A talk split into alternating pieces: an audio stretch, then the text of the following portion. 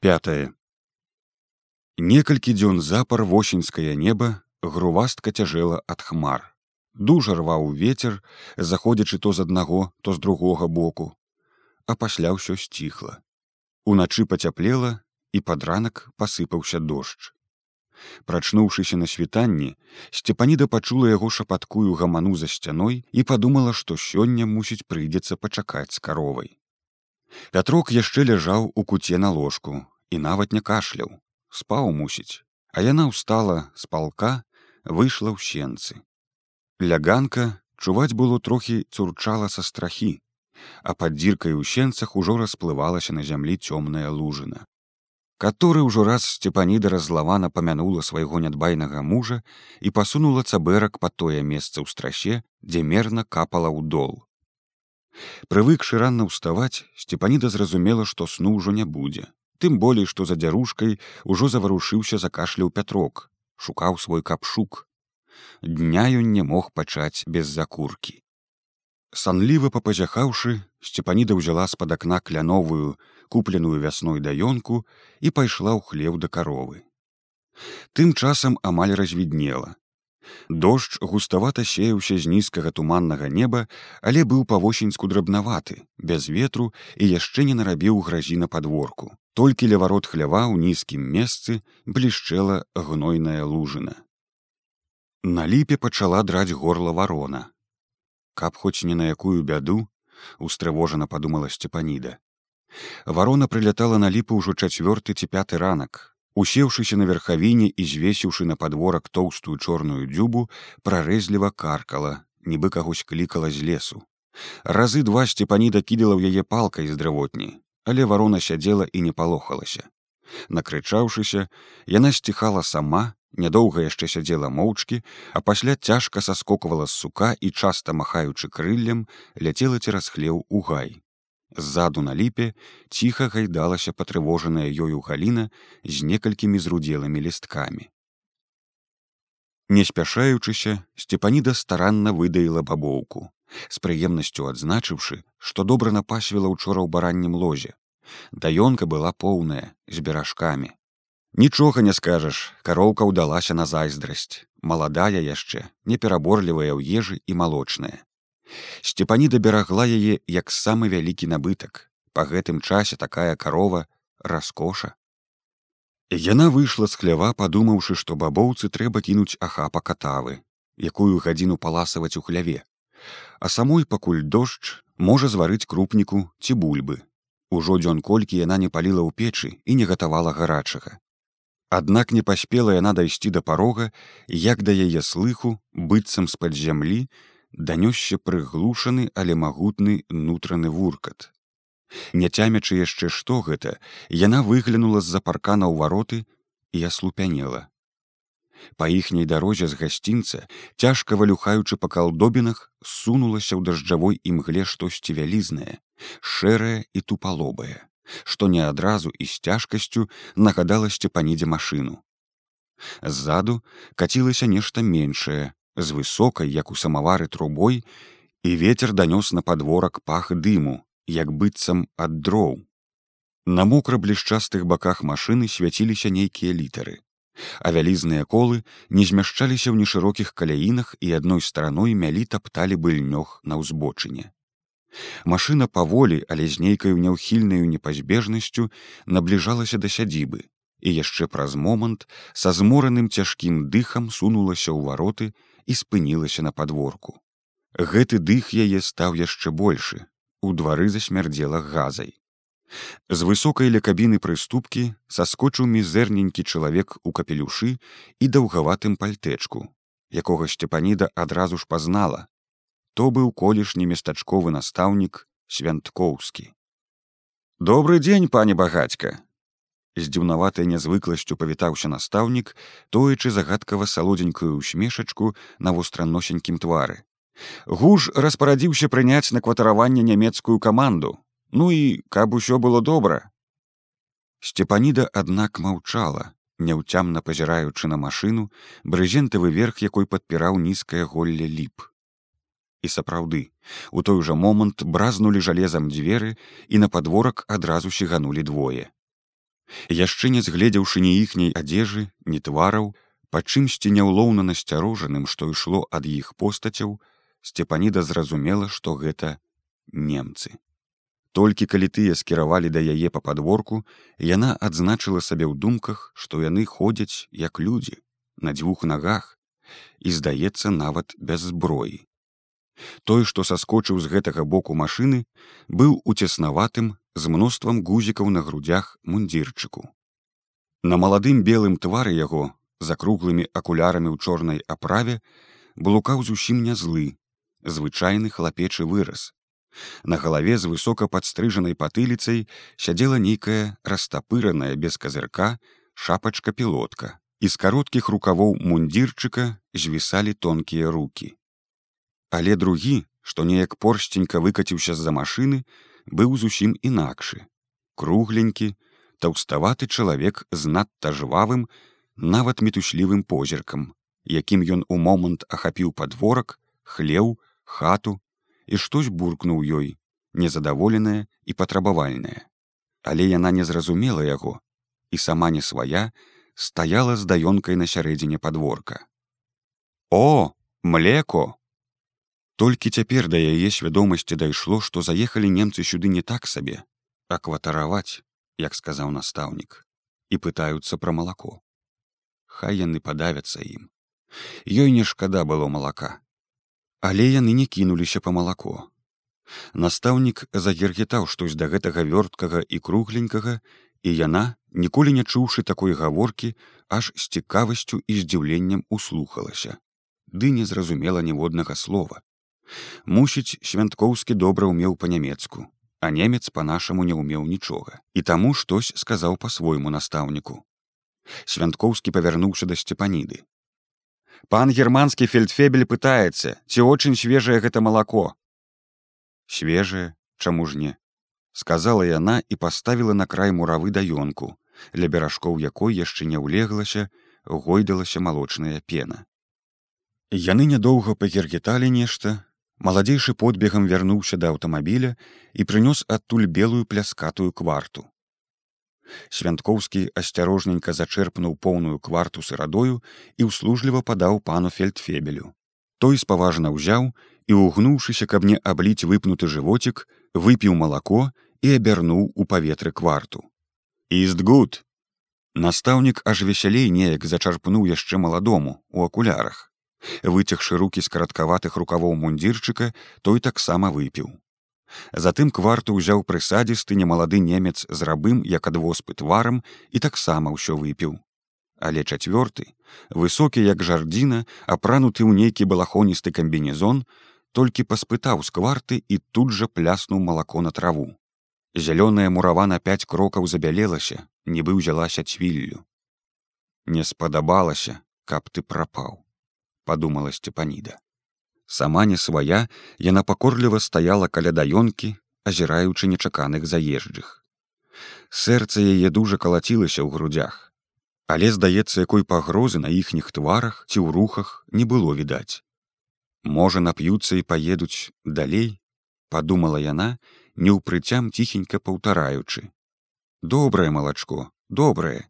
Немцы аднак не звярталі на гэтыя словы ніякай увагі як і на яе таксама. Пакуль іншыя пілі, фельдфебель пасноўдаў сюды туды па падворку. Яна падумала заверне ў хату, аж не. Павярнуў да хлява, затым падышоў да калодзежа. Свянткоўскі сморгаючы ў роснай траве новымі ботамі, падаўся за ім. І яна чула, як яны там гергеталі штось незразумелае для яе па-нямецку. Тыя, што напіліся малака, таксама па адным перайшлі да калодзежа штось іх там зацікавіла. Яна стаяла каля даёнкі, не ведаючы, ці ўжо сысці куды далей звоч, ці яшчэ пачакаць.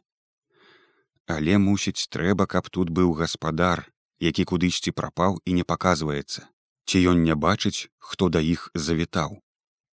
Пані багацька! зноў гукнуў яе свянткоўскі. Германскі фельдфебель мае жаданне паспытаць вашай вады. Будьце так ласкавы, прынясіце вядро.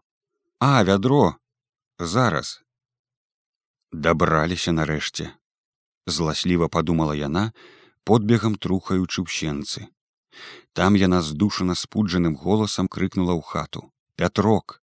Плюхнуўшы рэшткай вады ў цэбар, вынесла на падворак новае цынкавае вядро, якое ў яе перахапіў маладзейшы у акулярах. Прычапіўшы вядро да ланцуга, ён спрытна раскруціў барабан і як толькі вядро пляцнулася аб ваду, пачаў лёгка выкручваць за жалезную ручку. А іншыя, нерухома пастаўшы ля зруба, чакалі. На яе зноў перасталі звяртаць увагу, і яна ўжо рашыла паддацца ў хату, каб усё ж выпхнуць адтуль петрака. Ды ў гэты момант ён і сам паказаўся на ганку.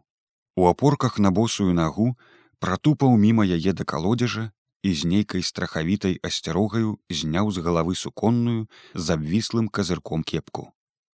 Ага, добрая вада ведаеце, трошкі дрыготкім мусіць ад хвалявання голасам загаманіў пятрок. Немцы ўжо выцягнулі вядро і плёскалі з яго ў нейкі зялёны гляк, стрымана перагаворваючыся між сабой. Але ніхто з іх апроч свянткоўскага нават не зірнуў на гаспадара хутара.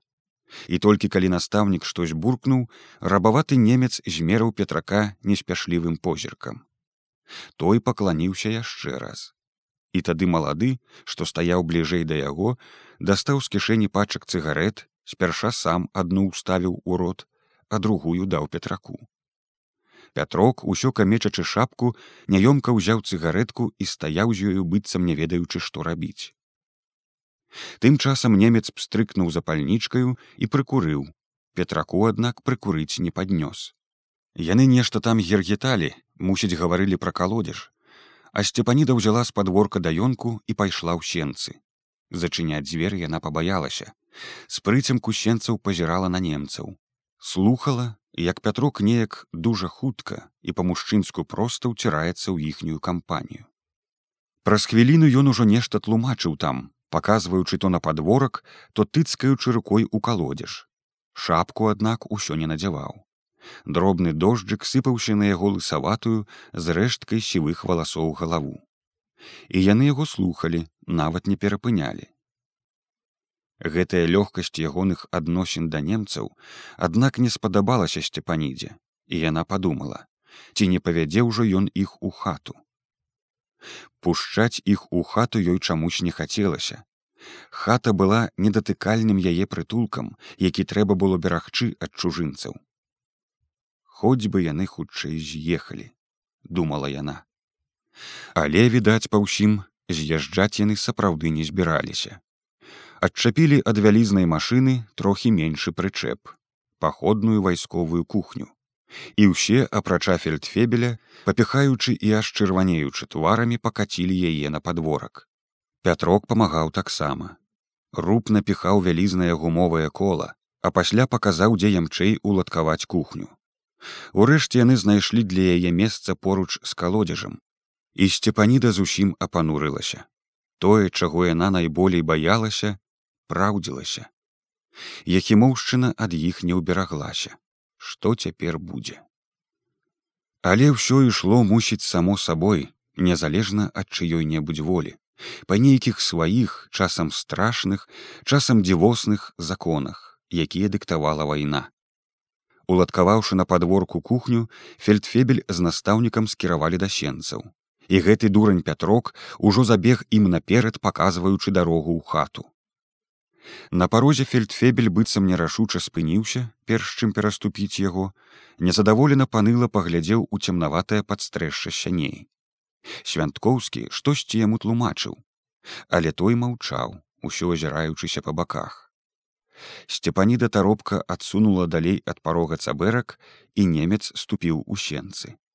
Каб не замінаць ім, яна таксама адышлася далей да і стопкі, усё згадваючы, што ім яшчэ трэба.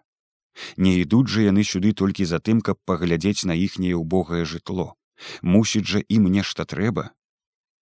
Але вось пятрок шырока расчыніў дзверы ў хату, і яны ўсе сунуліся туды з нейкаю нават нецярплівасцю ці нават цікаўнасцю. І яна з-за іхніх плячэй быццам нават чужымі вачыма убачыла сваю даўно ўжо не новую хату з трохі перакошаным прасценкам і з чарнілымі бэлькамі на столе, сценамі абклеенымі з жаўцелымі газетамі. Падлогу яна даўно ўжо не мыла, закруціўшыся з каровай, бульбаю і падсвінкам. І цяпер з прыкрасцю пазірала на гразнаватыя дошки з прыкарэлым лушпіннем ля прыпека пачарнелыя чыгуны ля парога.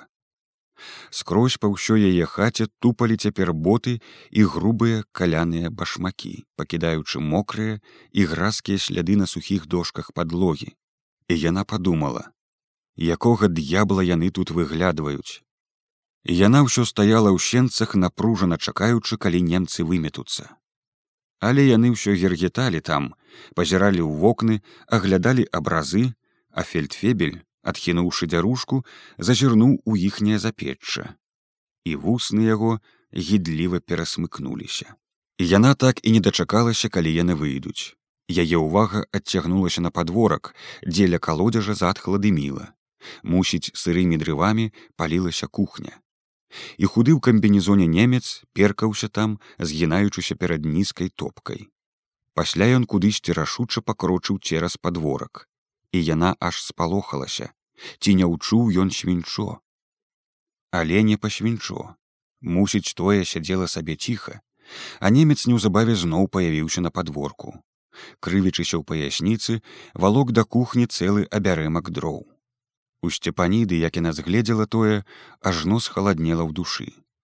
То былі бярозавыя палены беражоныя ёю на зіму для распалу.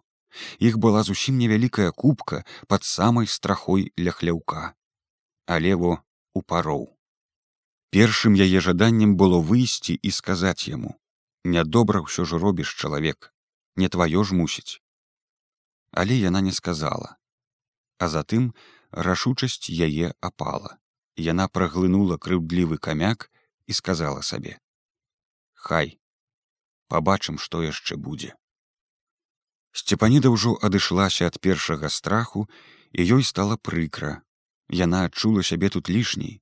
Захацелася кудысьці сысці каб нічога не бачыць і не расстрайвацца хай гаспадараць як хочуць ці яна перашкодзіць ім.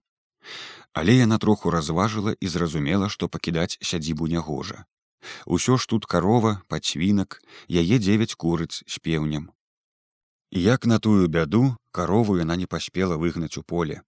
Добра, што яшчэ перахавалі пацвінка і на таго цяпер не так лёгка набрысці гэтым памоўзам. І яшчэ добра, што яна не выпусціла з хляўка курэй, тыя хоць галадалі, але не кідаліся гэтым на вочы. Можа яшчэ пераседзяць. Карову ж, аднак хаваць не было сэнсу Усё роўна пра яе яны ўжо ведалі. Карову трэба было адвесці на пашу. Сцепаніда пачала шарыць у сенцах вяроўку, як з хаты выскачыў пятрок. Яго паморшчаны з растапыраным шчаціннем твар свяціўся аднак нейкаю быжвавай радасцю. Баба яек, яек давай хутка. Яек, сказала яна сабе. Ну ведама, без яек у іх не абыдзецца з яек яны пачынаюць чым толькі скончаць. Трохі аднак памарудзіўшы яна расчыніла дзвервую стопку і ўзяла з-пад рэшата ў жорнах старэнькі свой кошык у якім цьмяна бялеліся дзясяткі два яек. Яна хацела аддаць іх петраку хай бы частаваў там але той ужо вярнуўся ў хату і ёй давялося таксама пхнуцца туды. Не ведаючы каму падаць яйкі яна паставіла кошык на канец услона адразу ж да кошыка пацягнуліся чужыя руки і яна адступіўшы трохі не магла адарваць позірку ад гэтых страхавітых чужынскіх рук. Першай туды поршценька сунулася белая далікатная ручка мусіць таго фельдфебеля. Яна намацала верхняе круглявае яечка адрабенькай курачкі сама яе нясушкі але чамусь тое не задаволіла немца. Ён паклаў яйка назад узяў меншае можа чысцейшае ці болей жаўтлявае. Круглае ж адразу падабралі тоўстыя як каровіны сішкі пальцы з рудымі валасамі ля костачак. Затым узяла іншая яйка з краю маладая не дужа чыстая шафёрская рука што выпнулася са знаёмага караткаватага рукава мундзірчыка. Далей сцепаніда чамусьці не магла ўжо глядзець Яна апусціла вочы на трохі папэцканыя ў траве хромавыя боты свянткоўскага. Перагаворваючыся па-свойму, немцы залускалі шкарлупіннем, білі аб нешта яйкі і гучна хлёбалі з іх, без хлеба і солі. Адчуўшы гідлівасць, яна павярнулася, каб выйсці ў сенцы. і ледзьве не сутыкнулася з фельдфебелем, які топкім сцізорыкам акуратна дзёўбаў жоўтае яйка рабой нясушкі. Дзіўна, як хутка яна супакоілася, мусіць таму, што яны аказаліся не надта ўжо страшныя, не лаяліся і не пагражалі. Яны проста паводзілі сябе роўна і ўпэўнена, як гаспадары на гэтым падворку. Што ж яна разумела, яны перамаглі, заваявалі гэту зямлю. Мусіць іхняе права цяпер рабіць, што захочуць. Відаць, па ўсім яны надта добра ведалі і пільнаваліся гэтага права. Але менавіта гэта іх упэўненасць у сваёй праваце і ўсведамленне беспакранасці за тое, што не прынята рабіць між людзьмі, адразу настройвалі яе супраць. І яна адчувала, што незалежна ад таго, як яны паставяцца да яе, добрыя адносіны паміж імі наўрад ці магчымы. Калі яны гурбою выпхнуліся з нізкіх дзвярэй на каменны прыступак ганка, яна стаяла ля хлява на падворку і чакала. Яна наўмысля пільнавала на шляху на дрывотню, каб спаткаць таго ў камбінезоне, што завіхаўся ля кухні, накладваў бярозавыя паленцы ў топку. Сказаць яму яна не магла нічога. Яна толькі хацела зірнуць у яго бессаромныя вочы. Але ён болей не ішоў па дровы. Ён добра ўжо расшураваў сваю кухню машыну і тая поўніла падворак дымам час ад часу з жалезнай трубы шугала іскрамі ў неба сцепаніда падумала каб хоць не згарэць тут праз іх усе гады што жыла тут яна чамусьці баялася пажару ад печы ці ад маланкі неаднойчы ёй нават снілася ўначы як гарыць яе яхімоўшчына а яна бяссільна бегае вакол бынаватных нагах і нічога зрабіць не можа Немцы выйшлі ўсе разам на двор. Фельдфебель трохі аддзяліўся ад іншых, нешта наказваў свянткоўскаму, які вельмі ўважліва яго слухаў. Затым ён звягліва крыкнуў штосьці на кухара, той адразу прутка выцягнуўся, кінуў у адказ адно толькі я воль. Што фельдфебель казаў ім, добрае ці благое, яна не ведала і падумала, каб вы перадохлі ўсе разам. Іншыя тым часам звалаклі з машыны і саставілі пад страхой на прызьбе некалькі жоўтых драўляных скрынак, накладзеных чымсьці цяжкім і грувасткім, мяхі з чорнымі клеймамі на баках. Там жа на прызбу паставілі дзве караткаватыя вінтоўкі з жоўтымі раменнымі почапкамі. Напэўна, ўсё гэта заставалася тут з кухняй, а машына збіралася выязджаць. Малады з выстрыжанай патыліцай шафёр ужо сядзеў у машыне і тая завёўшыся аж трэслася ўся ад натугі фельдфебель ускочыў з другога боку ў кабіну машына грузна адкацілася назад збочыла тупым задам у бульбу і разгрэбшы там цэлую канаву ў мяккай зямлі вывернула на дарогу у двары засталася кухня і пры ёй двое тонкі злы кухар і пажылы з рабым тварам немец. Яны ўзяліся цягаць калодзежа ваду а пятрок з нейкім вінавата шкадлівым выразам у вачах прытэпаў да жонкі. Вой вой сцішана сказаў ён.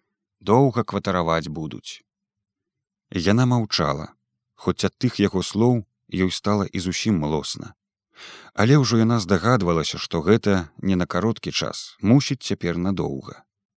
Пятрок азірнуўся быццам іх мог хто падслухаць. Сказалі падлогу вымыць лішняе павыцягваць. Куды павыцягваць? Сказалі вы стопку нам тоже. Что гэта лета у істопку удумалі? Сказалі. Каб к вечару ўсё іх не галоўны прыедзе хай прыбіраюць хай усё прыбяруць хай падавяцца зазлавала яна успамінаючы як пятрок кінуўся ім дагадзіць.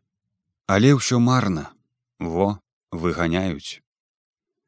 Было ўжо не рана, воўглае неба па-ранейшаму нізка вісела над мокрай зямлёй, але дождж перастаў, ветер таксама здаецца улёгся. У падворку драў горла дым, які абвалок хату і стопку шызай пеляной расцягнуўся ўздоўж па бульбянішчы над гародам. Сцепаніда рашуча расчыніла вароты хлява, забратала карову. Хай робяць, што хочуць. Ёй трэба выганяць карову на пашу. Годзя той стаяць у хляве, каб лішне не назаляць немцам яна павяла карову цераз дрывотню ў гарод наўпрасткі па бульбянішчы ў поле бабоўка разы два трывожна азірнулася на чужых у двары сцепаніда са злосцю тузанула яе хутчэй прэч з падворка Яна вяла карову па ўзроўку ўніз, куды збягала бульбянае поле.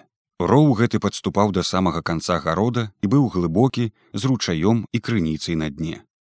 Ягоныя схілы густа зараслі алешнікам і маладымі елкамі.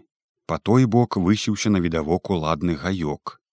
На выпадак чаго у рове можна было б адседзець дзень-два, а то і даўжэй, схавацца ад вайны, ад бяды, ад чужога нядобрага вока. Але каб не жывёла. З жывёлай доўга не высядзіш яе трэба карміць. Зноў жа шкада сядзібы з яе якім ніякім набыткам якога з сабой не возьмеш а без яго якое жыццё ў лесе?